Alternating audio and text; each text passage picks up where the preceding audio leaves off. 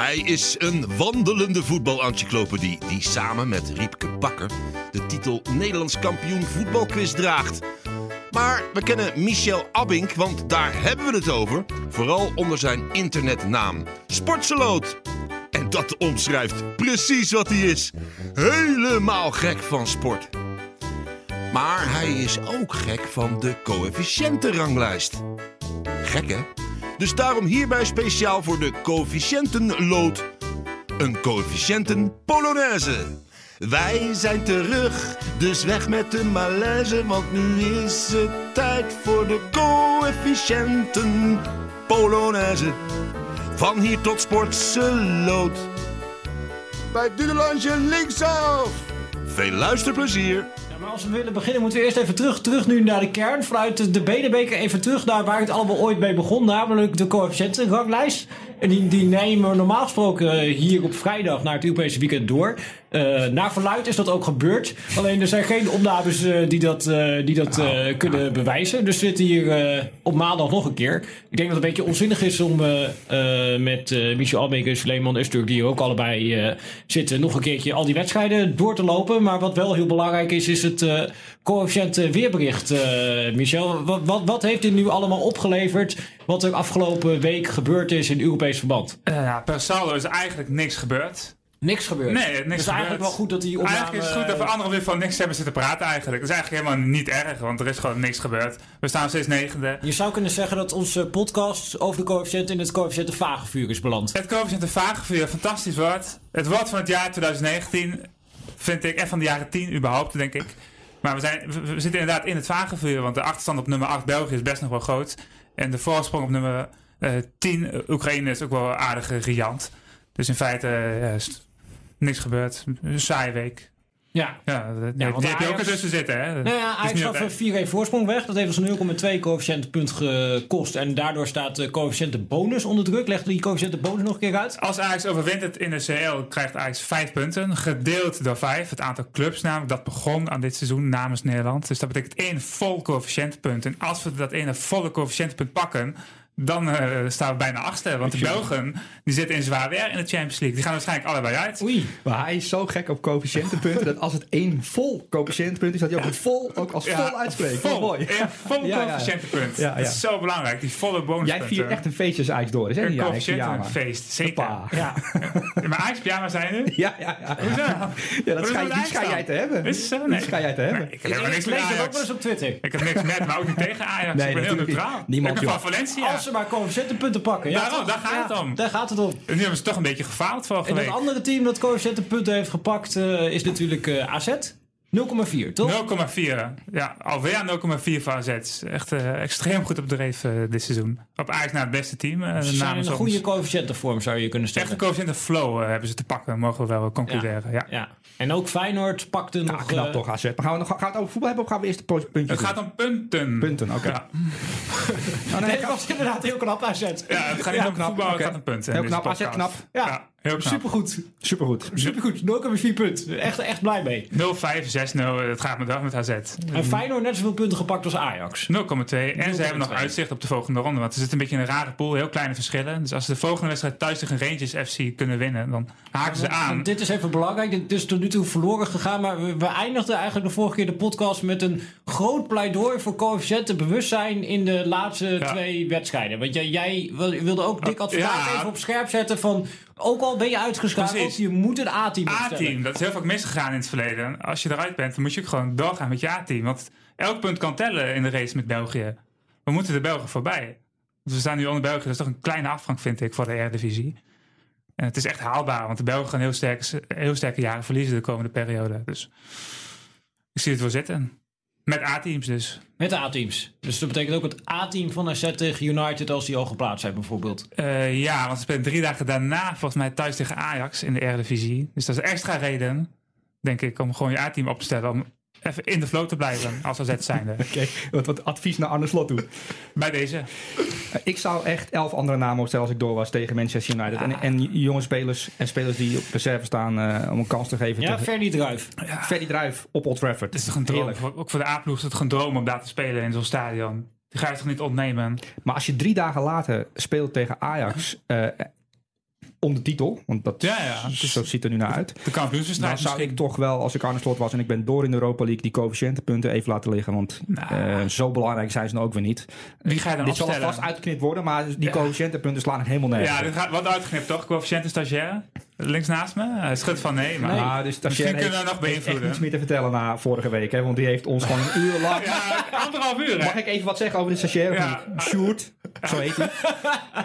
We hebben een uur lang vorige week opgenomen. En dan komt Ja. dus na een uur erachter dat hij het verkeerde knopje heeft ingedrukt. Maar, eh, ik had avonddienst hè. Ik was er om 11 uur 's ochtends. Ik ben tot half één Ja. s'nachts doorgegaan hierdoor. Ja, ik ben ook zwaar in de problemen gekomen met eh, de eindredactie van VI. Want ik had mijn verhaal natuurlijk net niet op tijd af. En eh, daar staat de doodzonde op. Ja. Lijfstraffen. Lijfstraf. Ja. Dus ik heb Ja. eh, twee dagen lang in een kelder gelegen met Harry Hamer. Dat is geen pretje. maar goed, dit, dit wordt er zeker uitgeknipt. Dus, eh, Ja, die had echt uitgeknipt. ja. Eh, ik ga erop toezien dat dit op eruit wordt geknipt. Ja, ga je daarop toezien? Ja, ga ik op toezien. Ja. Maar wat, wat er ook in zat in die vorige aflevering, wat we er nog even in moeten hebben, is een stukje coëfficiënte interactie. We hadden namelijk uitgebreide vragen gekregen. Ja, ja, die ik die ging nat, is een beetje flauw om nog een keer te stellen, maar ik kan nog wel even... Nou, ik had een fout. Dus, Jij had een eh, fout, dus ik kan nog wel even... Daar gaat mijn mythe. Ja, de, Ja. de mythe Michel Abbing die ging eigenlijk Ja. eh, eraan. Dus ik denk jou er ook al een beetje van dat jij die opname vernietigd hebt. Want de vraag was, Terecht. wie is de topscorer alle tijden van Noord-Macedonië voorheen Macedonië? Ik verstond San Marino raar genoeg. en ik zei... Ja, dat is een heel rare naam. Dat vind ik ook een heel raar excuus. Ja, dat is echt zo. Ik zei Eddie Silva. en Die is volgens mij echt topscorer alle tijden van San Marino. Dat is Nou, al wel knap dat je dat weet. dat denk ik. Maar er zal vast wel iemand opzoeken eh, dat dat niet zo is. Maar dat gaan we zien. Jij had hem wel. Ja, tuurlijk. In één keer. Ja. Ja, heel knap. Ja, afgetroefd met boter en suiker ingemaakt. Ja. Dat heb je ook soms. Ja. Want eh, even, even het antwoord voor... eh, Dat voor- hangt ervan af hoe je Macedonië definieert. Ja. en welk tijdperk je gebruidt. Maar de ene is Elmas en de andere is Goran Pandev. Vanwege Noord-Macedonië natuurlijk. Hè. Dat is, bestaat dus officieel sinds een half jaar of zo. Nou, als je Macedonië zegt, en dat blijf je herhalen in deze podca- podcast een uur lang, staan er straks 100.000 eh, Grieken voor de deur. Dus ik- dat wil ik ook niet meer geweten hebben. ja, ik had het ligt vrij eh, gevoelig. het ligt Ja, heel ja. gevoelig, ja. Ja, nee, dat moeten we ook niet, eh, ook niet willen. Maar eh, Riemer, die deze vraag stelde, die had nog een paar echt eh, goede vragen voor ons. En hij begon met de schitterende aanhef eh, beste coëfficiënten maloten. Die is ook zonde als ik die niet nog Ik voel me eh, meteen aangesproken eigenlijk. Ja, ja, ja. Ik denk dat het eigenlijk ook allemaal voor jou is. Maar daarna ging hij nog specifiek vragen stellen aan. En tot slot een paar vragen voor de heer Abbing. Dus blijkbaar vallen wij ook onder de coëfficiënten maloot uh, Julie. Eh, Oké. Zijn eerste vraag was. Krijgt Nederland extra coëfficiënten voor het spandoek Our Dick Doesn't Like Young Boys? Wat te zien was tijdens Feyenoord Young Boys. Ik heb het gevraagd bij de UEFA en dat is helaas niet het geval. Oh. Nee. Die spandoeken tellen niet mee in de coëfficiëntencodes. Hmm. Ja, onterecht natuurlijk.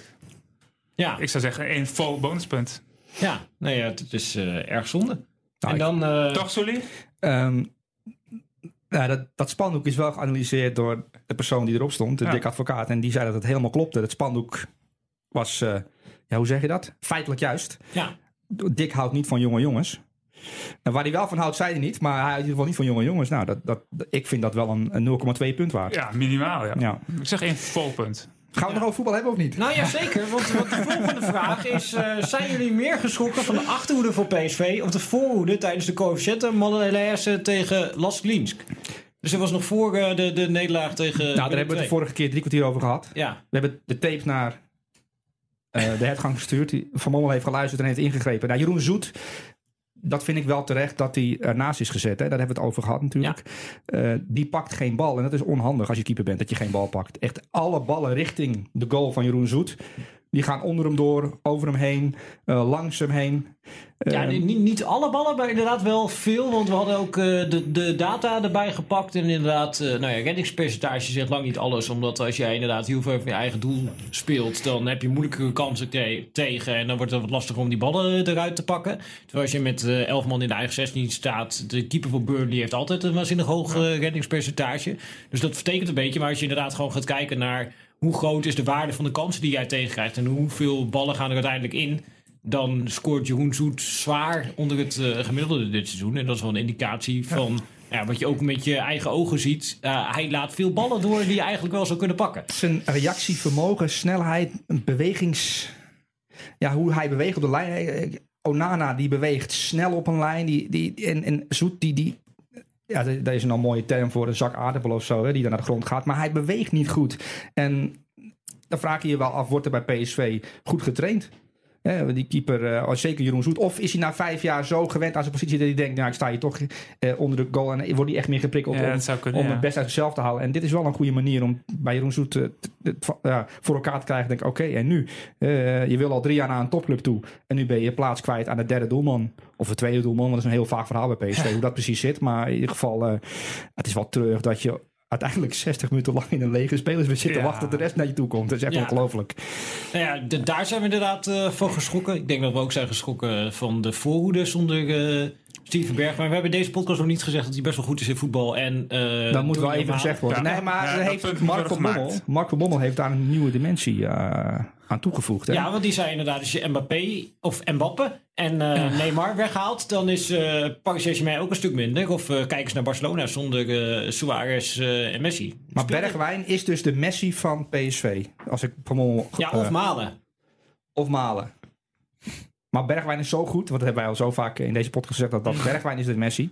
Ehm, ik vind het wel vreemd. Aan de ene kant zegt Van Bommel, maar ik weet niet of we het over voetbal mogen hebben nu. Nee, nee, zeker. Ja. Ehm, aan de ene Oh, kant... eh, de, de vraag is gesteld door Riemer, dus nu, nu moeten wij ook even een goed antwoord kunnen geven, toch?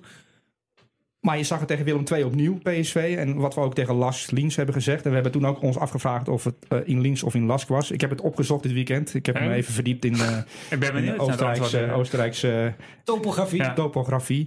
Het is Liens. Het is Liens. Liens gewoon. Lask in Liens. Lask in Liens. Ja, Oké, niet andersom. Liens in Lask.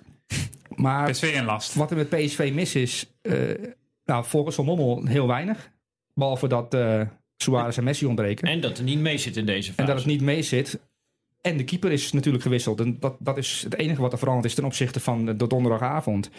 Ehm, Ja, en hij mist natuurlijk ook die andere spelers. Daar heeft hij op zich ook nog wel gelijk in. Met bijvoorbeeld Hendricks. Eh, er is altijd veel kritiek op Jorrit Hendricks. Maar nu doet Jorrit Hendricks niet mee. En je ziet dat ze in ieder geval... Ze waren defensief op een gegeven moment al wat minder stabiel in die wedstrijden met die rode kaarten. Maar nu is dat wel helemaal weg. nou ja, de restverdediging was niet op orde tegen Nee. de twee. Want Nee. als goal. Mooie goal. mooie- Tweede. ja, Zeker. maar het zijn ook goals die niet kunnen vallen Nee. op hoog niveau. Ja, Omschakelmomenten. Dus als je dat ziet... er zijn goals die, die tegen PSV eigenlijk nooit vielen. Omdat inderdaad dit iets, een onderdeel van het spel is... wat normaal gesproken Mark van Bommel altijd goed neerzet. En je ziet zeg maar dat in dat team op een gegeven moment de, dat de structuur verdwijnt. Omdat iedereen... Het heeft ook te maken denk ik met dat... Je kunt natuurlijk verschillende dingen doen als het tegen zit. Eh, en nou ja, maar je hebt bijvoorbeeld Denzel Dumfries, die schiet enorm in de modus van overcompensatie. Denzel Dumfries die is normaal gesproken gewoon een dienende speler bij PSV als rechtsback. En op het moment dat het fout gaat, dan denkt Den- Denzel Dumfries helemaal als nog een paar spelers er niet bij zijn. Nu moet ik de verantwoordelijkheid pakken. En dan gaat hij nog harder naar voren lopen, nog moeilijkere dingen doen met de bal. eh, en komt hij daarmee alleen maar eh, meer in de problemen. Eigenlijk omdat hij te veel zijn best doet. Dan heb je nog een soort van spelers die denken: oh nee, nu gaat het eh, helemaal fout. Laat ik eh verstoppertje gaan spelen. Nou, die, die hebben we ook eh eh, zien rondlopen bij PSV. Die gewoon de bal niet meer. Het viel me tegen Willem II. Het viel me tegen Willem II opnieuw op. Het, hij is moeilijk aanspeelbaar voor spelers. Ja, Het Hij viel me in de ook op. Ja. Maar dat viel me ook op. We, we hebben het inderdaad ook over eh, de rol van Dumfries gehad. eh, als het slecht gaat. En dat hij zich zo als een soort leider opwerpt. En dat was tegen Willem II opnieuw. Hè, ook met Van Bommel eh, in conclave. hoe ze moesten staan. Want na een tegengoal moest het weer, eh, moest, gingen ze anders staan. En Dumfries die moest het dan overbrengen. En die, eh, die riep ook meteen na de goal. Het was echt binnen, een seconde van eh trainer. Dus dat is echt de grote leider van PSV. En als Denzel Dumfries de kar moet gaan trekken, de rechtsback. eh, en die dan overal in het veld ook te vinden is. Want daar zag op een gegeven moment zag ik hem in de spits opduiken eh, een aantal keer. Eh, ja, Van Mommel die... die is, hoe noemen ze dat weer, die journalisten? Blok 2. In blok 2 is, is hij toch... Blok drie, Blok alweer. Ja, het gaat heel hard Ja, dit seizoen. Mark van Bommel die gaf aan, eh, dat was rond die wedstrijd tegen eh, Ajax. Dat was toen de afsluiter van blok 2, als ik het goed herinner. Nee, niet afsluiten. Oh, nou in ieder geval, dat was... Dat was in- ergens aan het begin van blok 2 was Oh, dat. ergens aan het begin van Ja. blok 2. En toen zei hij, ik denk niet in blokken. Nee, Heel goed. ik denk Dus, niet in blokken, eh, nee. een mooi woord, is dat de blokken. Ik heb geen bedacht idee. Blokken? Erik ten Hag. Is een Erik ten? Hag term. Oké. Ja, ja, ja. Ja, ja, ja. De Erik ten Hag die, die denkt Ja. in blokken. En dan die blokken moet je... Trouwens, als we... Als Maar in dit blok heeft PSV heel weinig puntjes gepakt. Hoeveel blokken hebben we dan in één seizoen? 8, 9? Ja, zoiets. Oké.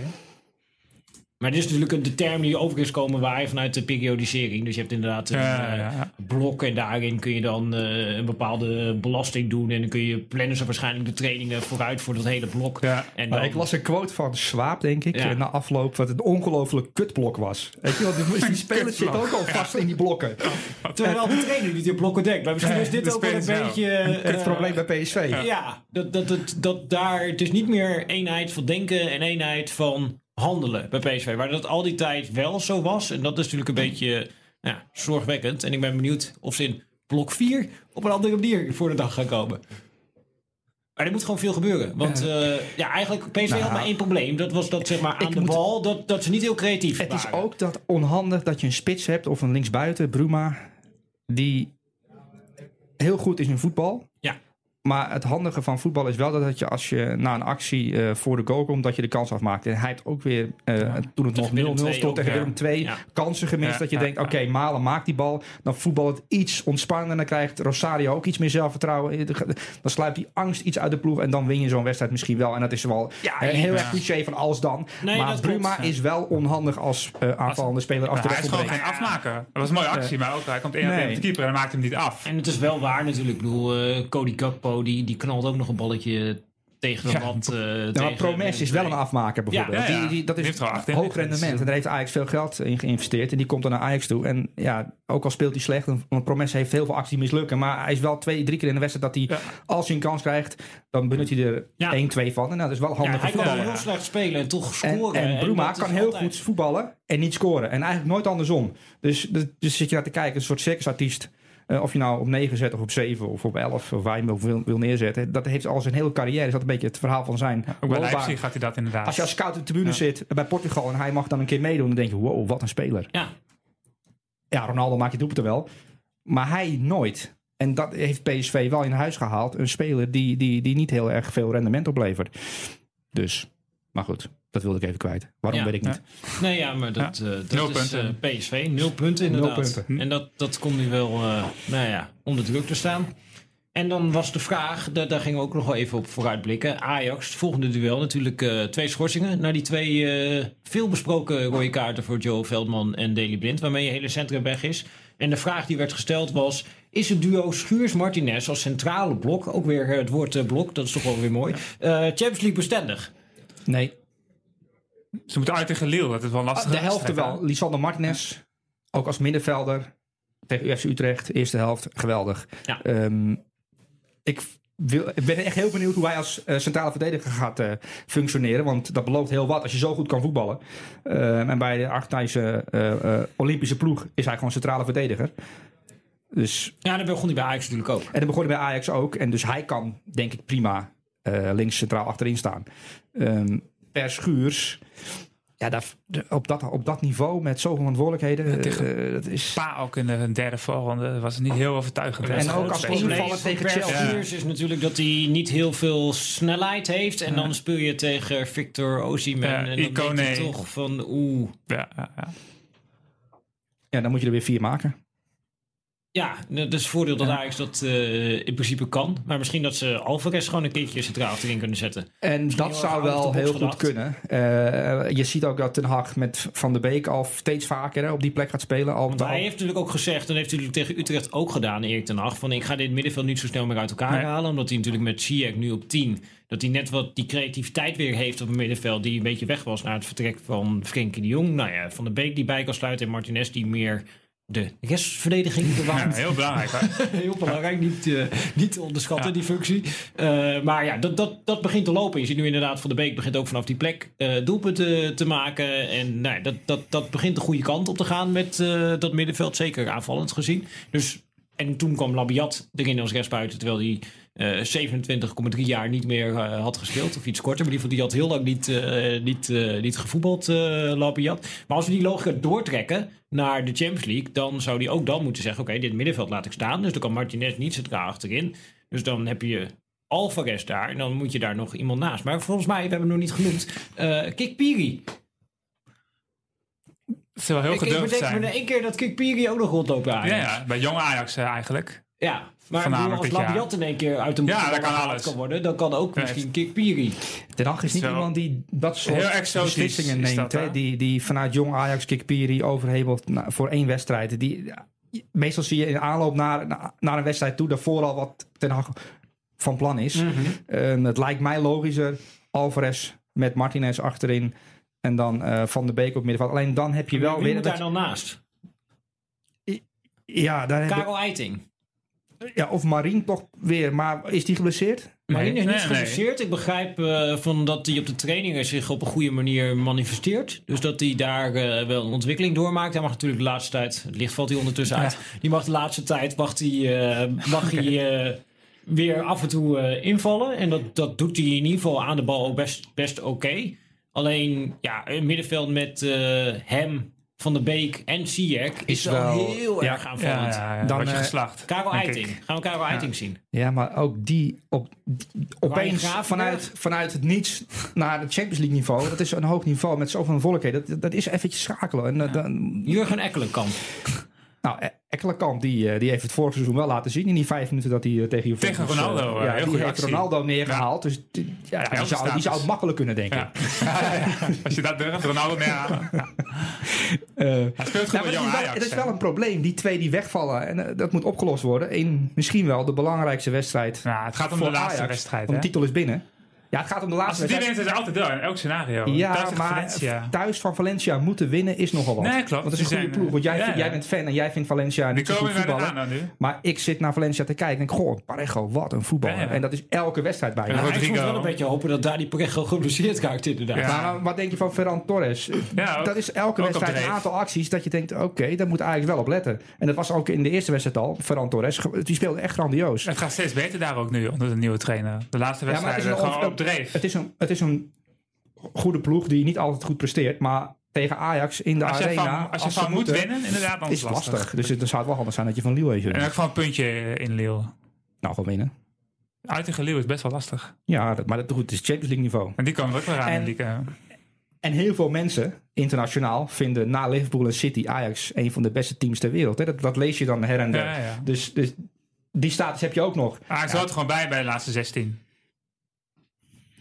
Nou, dan zijn we daarna. niveau. Misschien bij de laatste mooi. 8 of Dat laatste zijn vier. dus hoeveel volle bonuspunten? Vijf vol punten, delen we bonuspunt. vijf is één bonuspunt voor Een Nederland. vol bonuspunt. Vol, We ja. gaan naar België bibberen. Dan komen we België eraan. Drink jij halfvolle melk of volle melk? Ik denk een volle melk. Ja. Ja, dat snap ik wel. Ook. volle melk. Ja, belangrijk voor de bonuspunten. Dan hebben we nog wat, nog wat vragen die we even moeten behandelen. Arjan Westerveld, die vroeg zich af...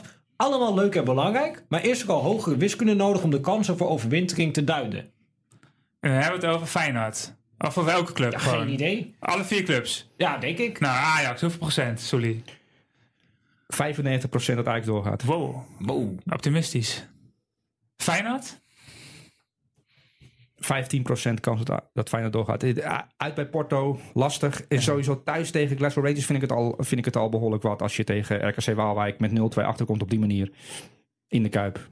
Eh, Wel knap hè, Senesi, de, de Ja. kopbal. Vond ik een mo- mooie, mooie, mooi doelpunt. Senesi moet je geloof ik Eh, zeggen. Senesi. Senesi. Marcos Senesi. Ja. Maar Feyenoord 15%. Wat, wat denk jij? Ook zoiets, ja. AZ? 100%. Op het. Uh, gelijk Geen spel, bonuspunten thuis tegen Partizan en Belgrado. Eh, Maar dat is hè? geen bonuspunten, toch? Als Pas die- vanaf de kwartfinale in de Europa League. Dus we moeten nog twee knock-out fases overleven. Ja, jammer. Ja, dat is echt doodzonde voor ons nu. Ja, en PSV?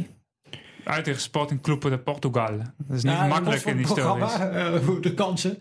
Ja, die moeten ze dus in elk geval niet verliezen. Anders dan is het gewoon eh, klaar. Dus ik denk dat PSV eh, de kans is niet heel kan dat ze doorgaan, denk ik. PSV heeft het in blok 3 uit in Nee. dienst tegen Lask laten liggen. Dat, is, dat was de wedstrijd Ja. waarin ze zich konden kwalificeren. Alleen ze zijn in zo'n ongelooflijk eh, eh, negatieve spiraal terechtgekomen. Dat, en dat, dat, dat Lask daarvan heeft geprofiteerd. Maar als PSV toch gewoon in blok 4 weer presteert als de PSV voor blok 1 en blok 2, dan is er niet zo heel veel aan de hand. Maar dan dan nog. toch ook bij Sporting dan- gewoon ja, winnen. Sporting Kunnen is wij ook gewoon Ze hebben gisteren gewoon 2-0 gewonnen, heel degelijk gezegd. Dankzij Vietto, twee doelpunten. De Sporting is ook wel helemaal op de rails. Die begon heel zwak aan het seizoen. Ja, maar die hebben een voetballer. En als die er zin in Ja. heeft. En dat moet ook even in iedere podcast benoemen, toch? Dat uh, Bruno Fernandes, dat, is gewoon een voetballer. Ja, dat is echt een voetballer. Dat die kan zelfs zien. op slippers voetballen. Ja, Zo'n goede voetballer. Echt onder zijn niveau daar. Die moet daar heel snel weg.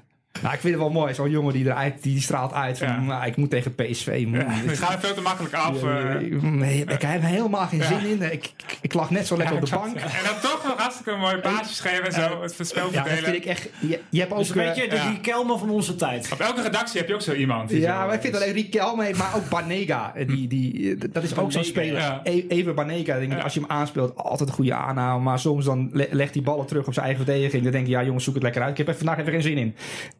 Mooi voetbal om naar te kijken. Nou, dat is Bruno Fernandes heeft dat, Ja, heeft dat ook. zeker. Rosario heeft dat bijvoorbeeld wat minder. Iets, iets minder. Die zag ik tegen Willem II ook weer wijzen en sturen. Denk ik, oké, Pablo Rosario speelt een bal terug op de verdediging. En die wijst dan dat Swaap de bal naar de linksback moet sp- spelen. En dan denk ik van, dat is geen leiderschap. Dat is debiel gedrag op het veld. maar goed, mag ik dat zeggen? Nou, Ja, we wachten af of hij de montage haalt. nou ja, maar Pablo is- Rosario die wijst dus naar de centrale verdediger die de bal naar links... Dat, Ja, dat is toch onhandig? ja, een beetje Ja, onzekerheid ook. Ja, Ja, hij, is, hij is natuurlijk 21 is en onhandig, maar wat ik voor Pablo Rosario vind pleiten is zeg maar, dat hij daar ook wel zelfkritisch in was. Tenminste, hij Nee, het gaat er niet om. Kijk, het is een jonge jongen Ja. die, die op een Ja. bepaalde plek staat en die nog beter kan worden. Maar hij heeft dan hij heeft die aanvoerdersband om. En dan heeft hij de- het idee denk ik, dat hij een soort van leider moet zijn op het veld. En- Maar dan hoef je niet elke paas te begeleiden Ja, met je linkerhand of je rechterhand. Want Swaap weet echt wel of die bal Ja. naar zijn linksback Ja. je ik, wel? ja. Swaap is 3, 32? Ja, 31, nee, maar... eh, Ja. Ja. En Rosario is 21, hè. is wel lastig in zo'n eh, in zo'n PSV om een aanvoerder te zijn. En je kan ook zelf die bal naar linksback spelen. Ook ook Dan waar. gaat het iets sneller ook. Dan gaat het wat Dat is ook sneller. Dat is ook waar. Dus, eh, Over belangrijke vragen gesproken. Stefan, die vraagt zich af. Wat vinden jullie van een lijst met de mooiste coëfficiëntenwoorden? Polonaise, mallen, malaise, etc. Op basis van coëfficiëntenwoorden, coëfficiënten. Oh, dat gaat wel heel erg ver. Coëfficiëntenmeta is dit. Nou, ik vond... eh, eh, om- eh, jij hebt het woord, een nieuw woord geïntroduceerd. Coëfficiënten regio. En dat zijn dan de landen op de ranglijst Ja, ja. om ons heen. Dat zijn Maar België, Van Basten was Oekraïne. geloof ik niet helemaal mee eens, hè? Hoezo niet dan? Nou ja, die, dat woord werd voorgelegd eh, in de studio van Fox, coëfficiëntenregio. En, en eh, Van Gangelen die, he- die heeft dan een telefoon en die ziet dan jouw tweet voorbij ko- komen. En die, die, zegt erop, die roept dan op, ja we zitten in de coëfficiëntenregio samen met Oekraïne. En dat was toch tegen het been van Mark van Basten. Want Oekraïne Oekraïne? ligt niet naast Nederland. Nee, dat klopt Dus het kan absoluut niet de regio zijn. Nee, Dus daar zit je totaal mis, Michel. coëfficiëntenregio. Dat is mooi, hè? Coëfficiënte spraakverwarring eh, was toen Ja, gecreëerd. zeker. Coëfficiëntenverwarring. Maar wat vind jij het mooiste woord? Eh Even nadenken. Coëfficiënte Ja, Polonaise Polonaise. blijft het mooiste woord, vind ik eigenlijk. Nou, heeft dat. Hebben we al een keer de Polonaise ingestart, gewoon voor de vrolijkheid? Ja, ik neem aan dat eh stagiair ondertussen al zeven keer de Polonaise hier tussendoor eh, Ja. gemonteerd heeft. Gewoon om het een beetje goed te maken. En weet je wat ik het Ja. leukste vind van die hele coëfficiënte Polonaise podcast? Nou, Dat is als er gewoon opeens zomaar ineens de Polonaise erheen wordt geflikkerd. zoals nu. Ja, Een coëfficiënten Polonaise.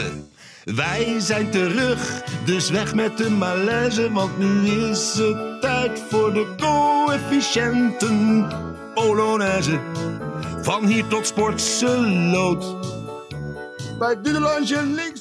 Stel je voor een bestuursoverleg eh, tussen, tussen vijf eh, mannen in stropdas en ineens vanuit de speaker de Polonaise. Koen Polonaise. Westerman. Polonaise. Heerlijk. Langs je linksaf. Ja, uitstekend. Nou, dan, dan zijn we ook aangekomen bij de schitterende vraag van David Webers. Die, die twee tweets nodig had om één vraag te stellen. Dus dan is het, weet je, dit is een ingewikkelde vraag. Een vraagje voor de lange termijn Polonaise. Vind ik een mooi woord. Het is toch juist dat zodra de Europese competities volgend seizoen beginnen, het jaar 2015-16 afvalt. Hij bedoelt het seizoen 2015-16. Voor Nederland een heel zwak jaar. Na afvallen zou, tussen haakjes met de huidige stand, België nog maar 0,5, Rusland 4,5 en Portugal 6,9 punten voorstaan. Denken jullie dat het mogelijk is dit seizoen op deze drie landen nog iets in te lopen of tenminste even goed te presteren? Dat zou voor de komende jaren best perspectief geven. Toch? Ik ben het raad kwijt. Nee, het is heel simpel eh, eigenlijk. Want eh, hij heeft wel gelijk. Want België heeft in 2015, 16, want daar gaan we afscheid van nemen van dat jaar, na Mhm. dit jaar, heeft België twee punten meer gehaald dan Nederland. Dus dan ben je automatisch al in de zomer twee punten ingelopen eigenlijk. En we staan nu ook, ongeveer twee punten achter. Dus we kunnen gewoon in de zomer België voorbij zijn. Ongeacht eh, de komende maanden eh, eigenlijk, wat, wat het dan Dus gebeurt. eigenlijk zeg jij, er is toch best wel perspectief. Zeker, want Oekraïne bijvoorbeeld, die had echt een heel goed jaar in 2015, 16. Die gaan helemaal dat wegvallen. jaar met uh, Dnipro Die gaan helemaal wegvallen eh, uit onze dat- regio. Nee, dat was weer een jaar daarvoor. Oh, dat dat was was een jaar 2014, 15. was ook een heel goed jaar. Ja, dus Oekraïne Oekraïne heeft is, heel veel goede jaren is gehad. echt in last. Die gaan echt uit de top 15 wegvallen. Dat is wat. Oekraïne gewoon helemaal van de kaart verdwenen eigenlijk. Het is Zo'n burgeroorlog in onze coëfficiëntenregio, dat is dan toch wel Dat helpt niet, hè? Want ze spelen allemaal uit Dit is wel een beetje een pijnlijk onderwerp voor Nederland. Hè? Sinds het vliegtuig de lucht uit is geschoten, gaat het ook wat minder met het Oekraïnse voetbal. Met al, ja, dat heeft natuurlijk een reden. Ja, dat is zeker eh, gegeven. ja, Ja. Ja, moeten we het daarover hebben. Nou ja, nou ja, misschien eh, kunnen we het beter luchtig maken met de vraag van Wessel. En die vraagt zich af: Lijkt het jullie realistisch om stiekem al te dromen van een nominatie voor een nationale woord van het jaar 2019? Coëfficiënte Polonaise kan denk ik hoge ogen gooien. Michel. Ik verwacht een top 1 eh, notering eh, in die verkiezing. Ja, die is volgens mij over een paar maanden, begin eh, 2020. En dan gaan we die bokaal gaan binnenslepen. Oké. Met enige afstand. Ik zie namelijk geen concurrenten voor, het woord van het jaar. Ja, ik misschien misschien idee. coëfficiënte vagevuur of zo. Dat zou een concurrent kunnen zijn. nee, nee, nee, nee. Of coëfficiënte regio. De rest is allemaal namaken. Het coëfficiënt Polonaise is, dat is het echte woord. En de rest is er gewoon namaken. Ja, dat is allemaal gebaseerd. mensen die denken dat ze ook een leuk woord hebben bedacht. Maar Michel Abink heeft het woord van het Nou, jaar Ik ken 2019. iemand Nou, op Twitter die denkt hier anders over. Ja. Sterk, ik heb ook het feitelijke bewijs gezien. dat maar hij mensen op Twitter die jij kent.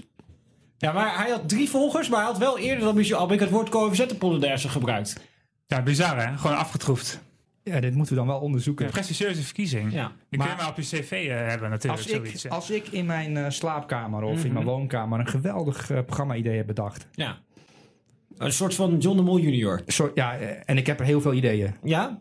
En die heb ik allemaal zelf bedacht. En opeens zie ik op tv een programma wat op mijn idee is gebaseerd. Mhm. Heb ik dan recht op eh, een bepaalde claims of zo? Want dan eh, loop ik nu de studio uit. Ja, ik, ik weet niet. ik weet niet hoe het precies werkt. Ik denk dat je het even... Want op ik heb alle tv-programma's Ja. bedacht die er op tv te zien zijn. Ooit. Kijk, dat kan toch niet? Je moet het ook Ja, communiceren als je iets Nou bedacht ja, hebt. ik, ik denk wel dat je hier iets te pakken hebt. Weet je, Ja. gewoon, eh, de, gewoon een Twitter-account aanmaken met willekeurige tv-formats. Waar je gewoon ieder krankzinnig idee gewoon op Twitter gooit. Gewoon geen volgers, maakt allemaal niet uit. En dan op het moment dat het gemaakt wordt, dat je dan zegt: ho, ho, ho, ho, ho, ho, ho. Weet, Dit heb je gejat van mijn Twitter-account willekeurige tv-formats. Ik denk dat hier een bedrijf in zit. Ja. Ik heb ook het idee Ja. dat ik hier helemaal verkeerd zit nu. Ja. Ik, ik moet gewoon... Ja, sowieso. Zit jij hier verkeerd, eh, maar- we gaan- we gaan iets anders doen. Ja. Schijnt verstand van voetbal te hebben. Nee, ik geloof er niks van. en dan hebben we nog eh, de laatste vraag van Danny. Nu al de laatste. Ja, maar daarna kunnen we naar het belangrijke, belangrijke initiatief de Benenbeker gaan. Maar eerst nog even de vraag van Daarna Danny. begint de, Pol eh, de. Polonaise podcast pas echt. Precies. Ja, we Dus maar allemaal introductie. Wanneer Feyenoord van Rangers wint en Young Boys van Porto, is Porto dan uitgeschakeld? Eh, volgens mij wel, ja. Dan eh is Porto het haasje in die groep. Ja? Dan ligt ze eruit. Dan staat een 100% diepe coëfficiëntencrisis. Want eh, dat zou heel goed zijn voor ons. Want Portugal staat nu zesde op die lijst. En plek zes, dat is een beetje het, het coëfficiënte Valhalla eigenlijk. Want Ja. dan heb je twee CL-tickets en Mhm. één ticket voor de CL-voorronde. En op den duur is die plek eigenlijk een beetje het doel van de ECV. De organisatie achter de Eredivisie, zeg maar. We moeten naar plek zes. Dus als we vroeger eh, die plek wel eh, innamen, in de jaren negentig of zo. Maar momenteel is onze achterstand op plek 6 eh 11 punten. En als, als FC Porto wordt uitgeschakeld en misschien Sporting Clube de Portugal ook door PSV, dan kunnen we flink inlopen op plek 6. Want als je kijkt naar de uitslagen vanaf 2018, staan we gewoon zevende. Met een heel kleine achterstand op plek 5. Dus we kunnen nog heel veel inlopen de komende jaren. Wil je meer verdieping bij het voetbal? Ga dan naar vi.nl slash podcast en neem een abonnement. www.vi.nl slash podcast.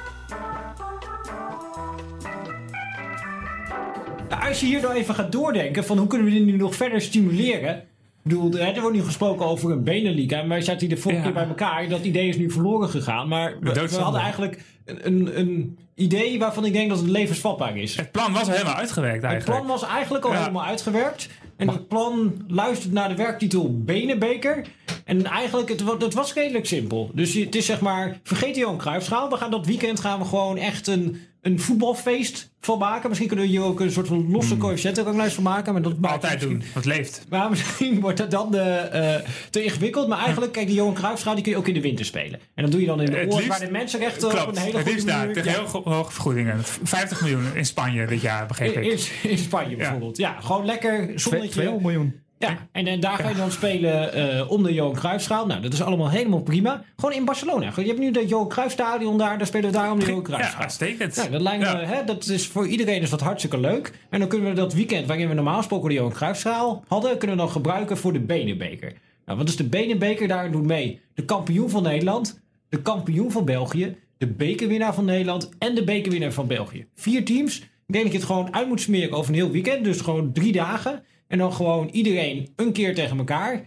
In een, Een poeltje, Ja. ja. en dan met de regels van het Amsterdam Een halve competitie. Dus dat je eh, drie punten krijgt van overwinning, maar ook nog een punt voor ieder doelpunt dat je maakt. Dus dat het gewoon echt ja, een één groot voetbalspektakel wordt. En dat lijkt me commercieel. Ik bedoel, als je hier toch mee Ja. naar, naar de Chinese markt gaat, die denken toch van. ben je echt is- meteen binnen met dit idee. Eigenlijk. Ik denk het niet. Ja, nu al. Nee? Ik had een ander idee. Ik heb Ja? dat donderdag totaal uitgelegd ook. Maar jij hebt een, een heel ander idee eh, opeens op maandagochtend. Nou ja, vertel. Ja, ik ben wel benieuwd. Eigenlijk een soort van...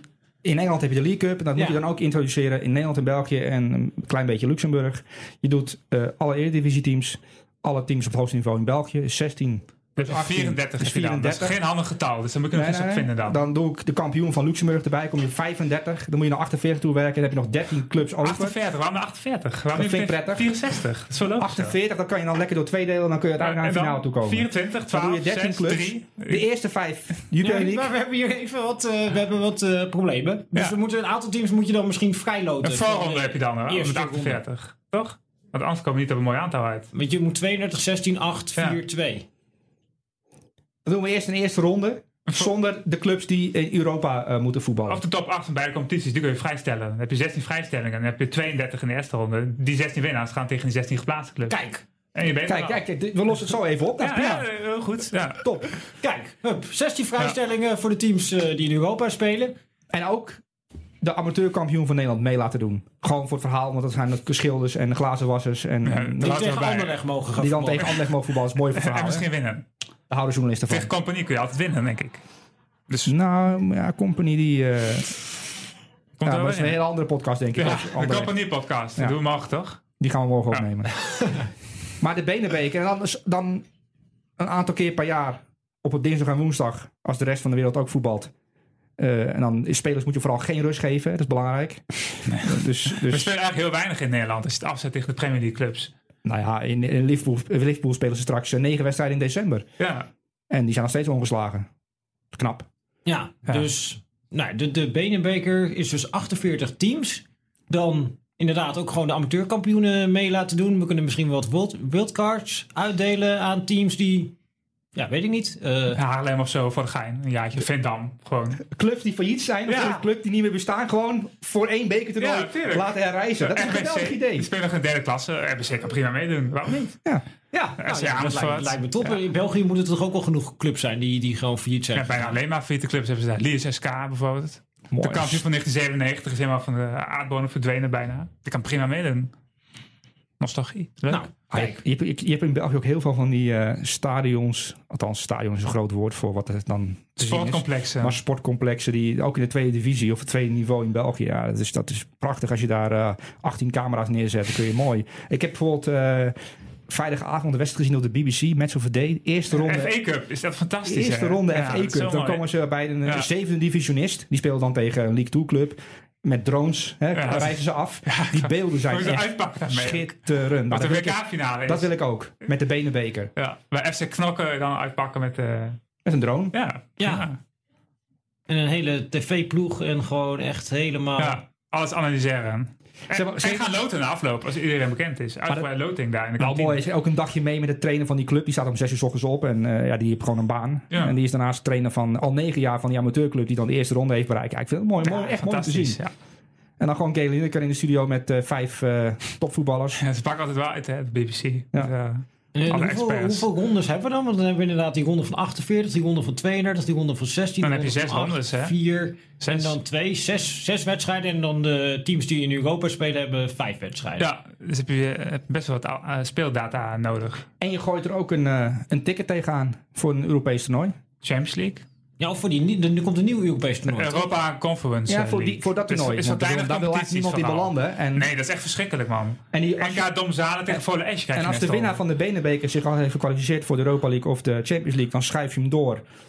Half naar de Belgische competitie en half naar de Nederlandse competitie. En dan mogen zij in een wedstrijd tegen elkaar. Ja, in een play-off. Dan heb je nog een wedstrijd op hoog niveau om een Europees ticket. Nou, Ja, er, als moet dit elke geen dag, plan is. er moet elke dag voetbal zijn. Want af en toe is gewoon geen voetbal op tv. Nou, Zoals deze week. in Dat is 2019 is er één dag geen voetbal geweest. Dat is een ideale dag voor zo'n play-off. Op eerste kerstdag heb je va- vaak geen voetbal. En af en toe in Turkije En Ja, stel je voor dat je namelijk aan tafel moet Dat zitten is, bij echt dat is een verschrikking.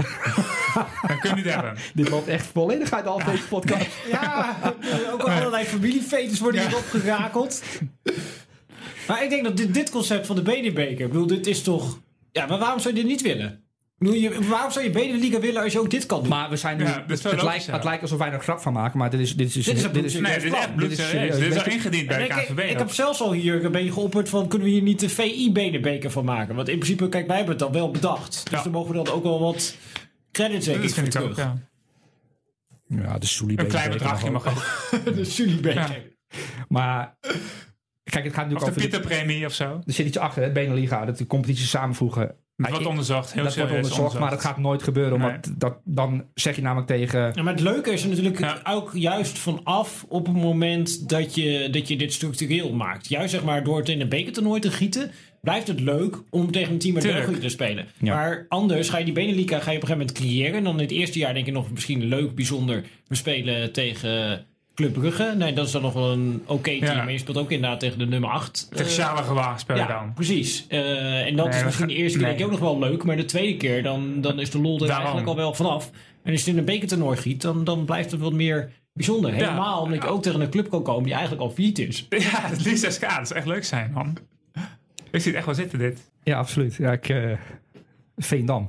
Ja, Veendam, weer, weer terug op de lange leegte. En dan inderdaad gewoon camera's, eh, drones, gewoon daar één gewoon mediaspectakel van maken. Het tegenstander lijkt Nee, me maar dat ziet er echt op... Dat en dan is- met Seintje gewoon weer op, op die backpositie. in Ja, HD, trainen. de eerste ronde FA Cup. Ja, het is echt, dat Ja. is echt geniet hoor. Het is echt een aanrader ook, ja, inderdaad.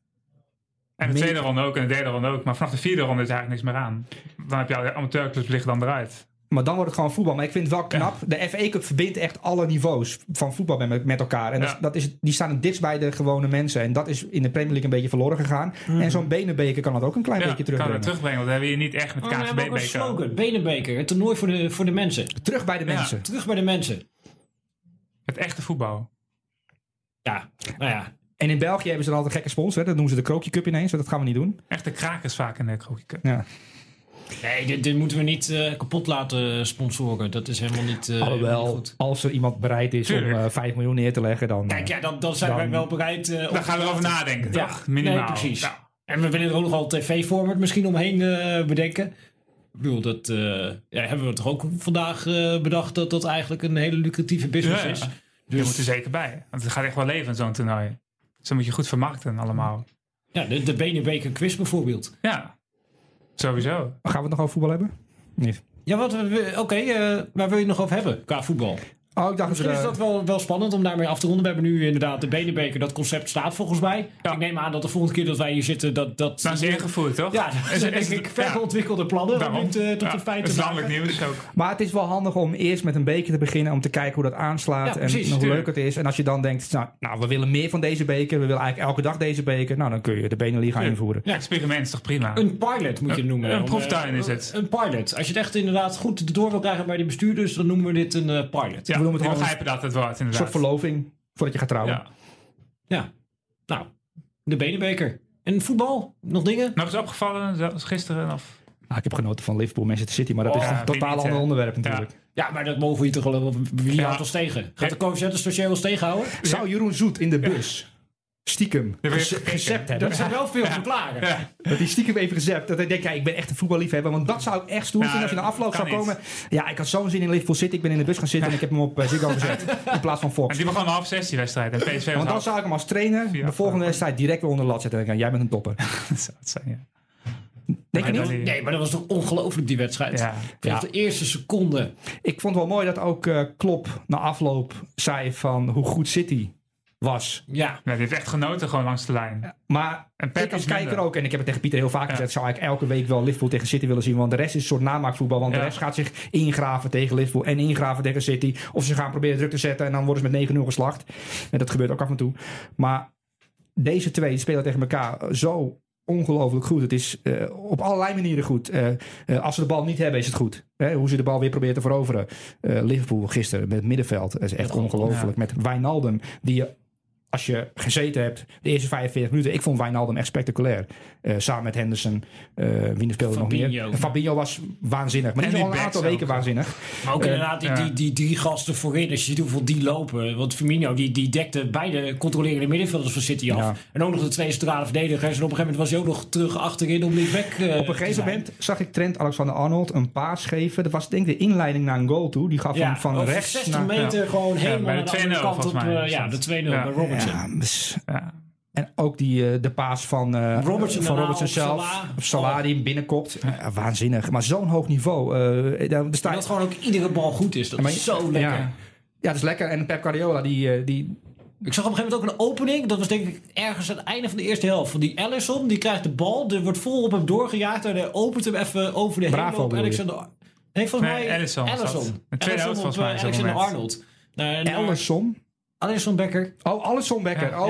Ja, Alisson. Ik versta Ederson. Ik denk, die speelt helemaal niet. hij Maar Alisson uit. Becker. Ja. Ja. Ah, jij bent gewoon internationaal. ja, ik ben gewoon internationaal. Ga voor die internationale markt met de benen. Alisson. Dat begrijp je. Ja. Alisson, ja. Ja, maar, die, nee, maar die, die opent hem op een ongelofelijke wijze op Alexander Arnold. Die gewoon ook nog precies in de loop die hem dan net lekker kan meenemen. Ja, en, en dat soort kleine pases die dan allemaal net goed zijn, dat, dat maakt het wel heel erg fijn om naar te kijken.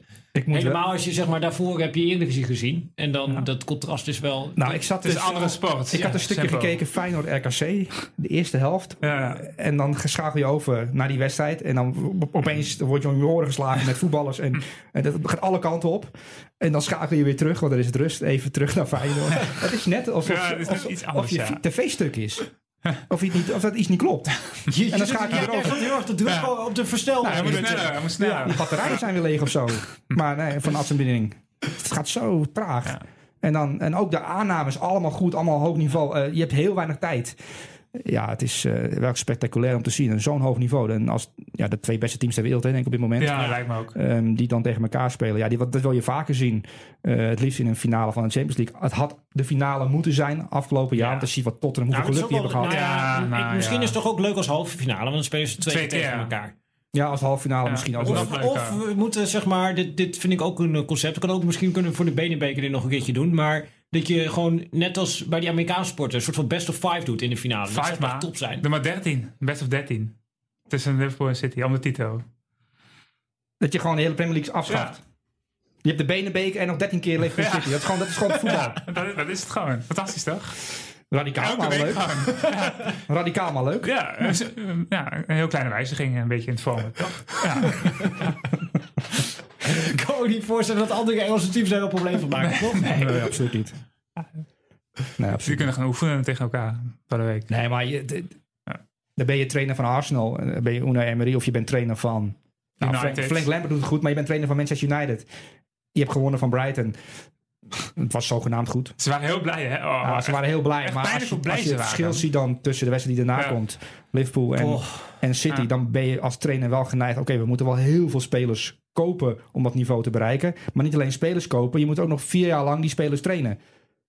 En die tijd krijg je niet, dus dat niveau gaan ze nooit Nee. bereiken. Eh, zolang Guardiola trainer is van City, nou dat kan zomaar eens afgelopen zijn na het seizoen.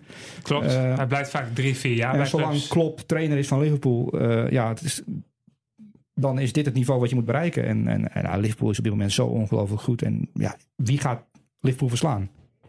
Ze Ja, gaan nog wel een paar keer gelijk spelen. hoor. Ja, dat ja, dat ja. Kan, kan gewoon zomaar gebeuren. En in december kan het fout gaan Het omdat ze spelen te veel wedstrijden moeten spelen. Ze moeten even reizen en dan kan het misgaan. Maar dat gaat ook niet City. extreem breed. Dus Nee. ja, en als ze het spel moeten maken, je kunt een keer een counter tegen krijgen. Ik bedoel, tegen Tegen Aston Villa ging het er bijna Dat ging ook net goed. Het kan ook een keertje net fout gaan. Maar ja, dit, dit team is zo ontzettend goed.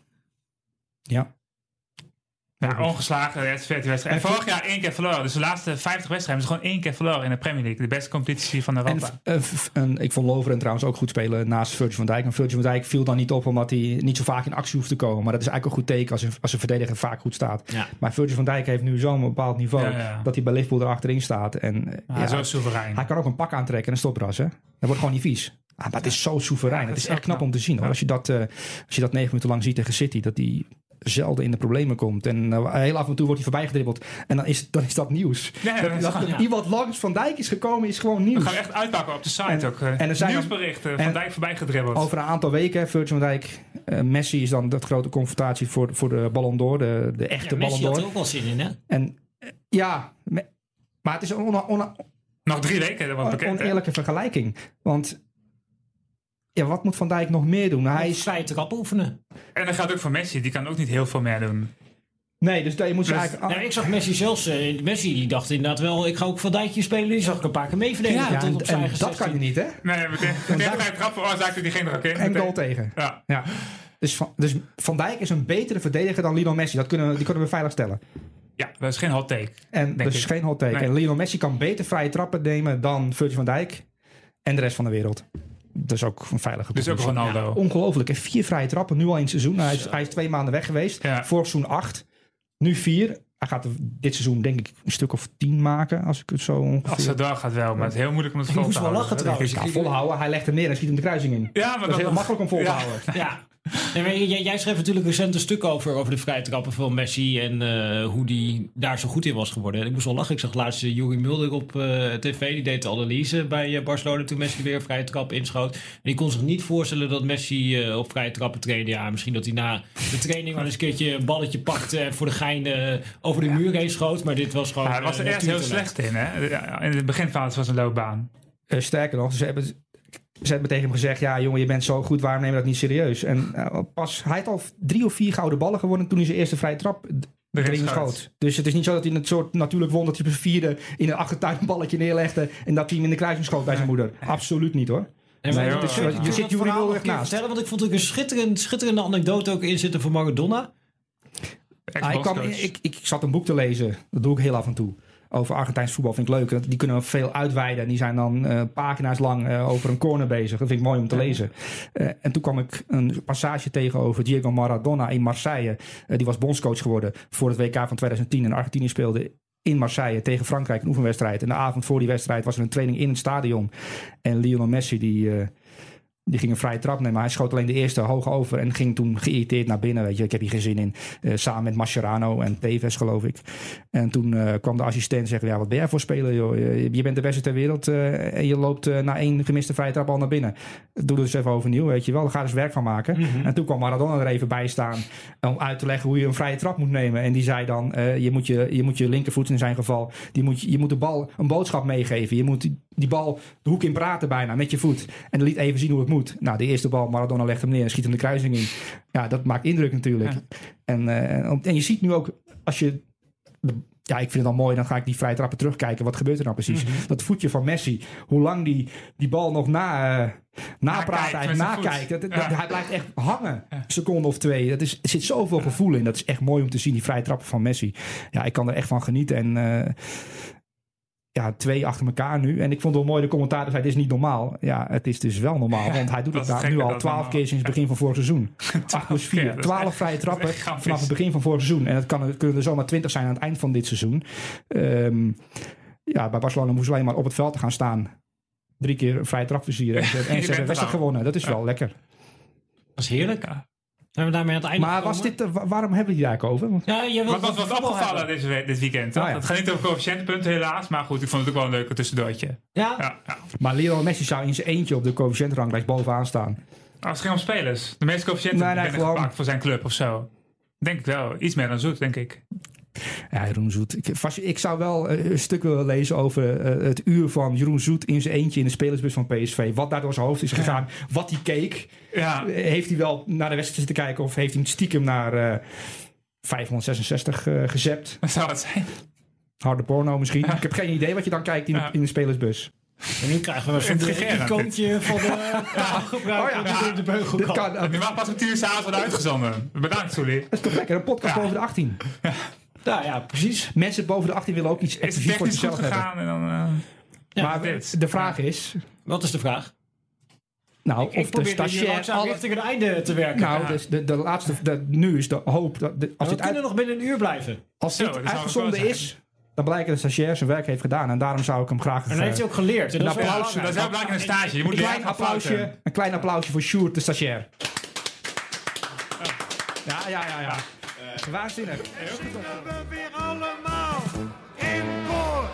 Wij vieren feest, dus weg met de malaise, want nu is het tijd voor de Polonaise, Hollandaise, van hier tot goed.